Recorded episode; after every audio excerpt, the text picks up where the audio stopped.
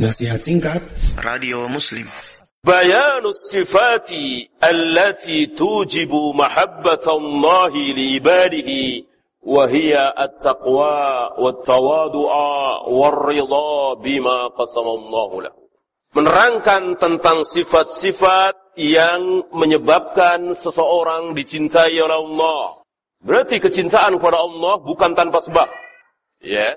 Kan Allah mengatakan lewat lisan Nabi sallallahu alaihi wasallam, jika Allah mencintai si fulan, maka Allah memanggil Jibril. Wahai Jibril, ketahui bahwa aku mencintai si fulan. Ya, lalu Jibril mengumpulkan para malaikat dan Jibril mengatakan, wahai para malaikat, Allah mencintai si fulan. Allah perintahkan kepadaku untuk cinta kepada si fulan. Maka aku perintahkan kepada kalian untuk cinta kepada si fulan. Siapa fulan ini? Apakah masih bayi? Ha. Apakah sebelum lahir? Ya, tentu ada asbabnya. Si fulan ini taat kepada Allah, bertakwa, jauh dari maksiat, bermanhaj yang hak, berakidah yang lurus, ahlu sunnah wal jamaah, gitu. Jadi bukan tanpa sebab, tapi ada sebabnya. Ya, ini salah satunya. Allati tujibu mahabbatallahi li ibadihi wa hiya at-taqwa. Bertakwa. Siapa ingin dicintai oleh Allah bertakwa. Takwa kan kalimat yang sangat mudah diucapkan. Imtithalul awamir wajsinabun nawahi. Melaksanakan perintah Allah dan Rasulnya menjauhi larangan Allah dan Rasul. Mudah. Mudah sekali diucapkan. Ya, tinggal pelaksanaan.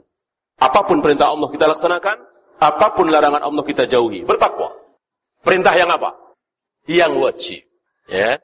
Maka bisakah orang dikatakan bertakwa ketika tidak pernah puasa Senin Kamis, tidak pernah sholat tahajud, tidak pernah sholat duha? Bisa. Karena itu tidak wajib. Ya. Tapi orang tidak uh, sholat lima waktu, tidak puasa Ramadan, tidak mungkin dia menjadi orang yang bertakwa.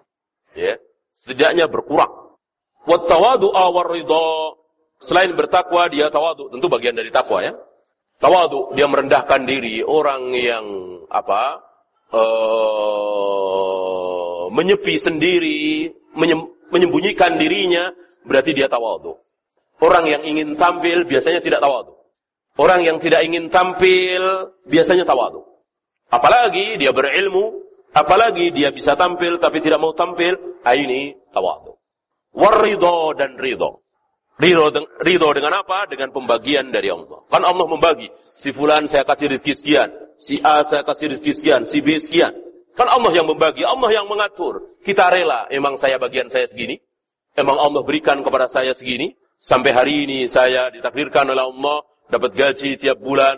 Tidak lebih dari satu juta misalnya. Ya, memang segini saya terima. Ah, ini menyebabkan Allah cinta kepada dia. Berusaha lebih bolehkah? Tentu boleh.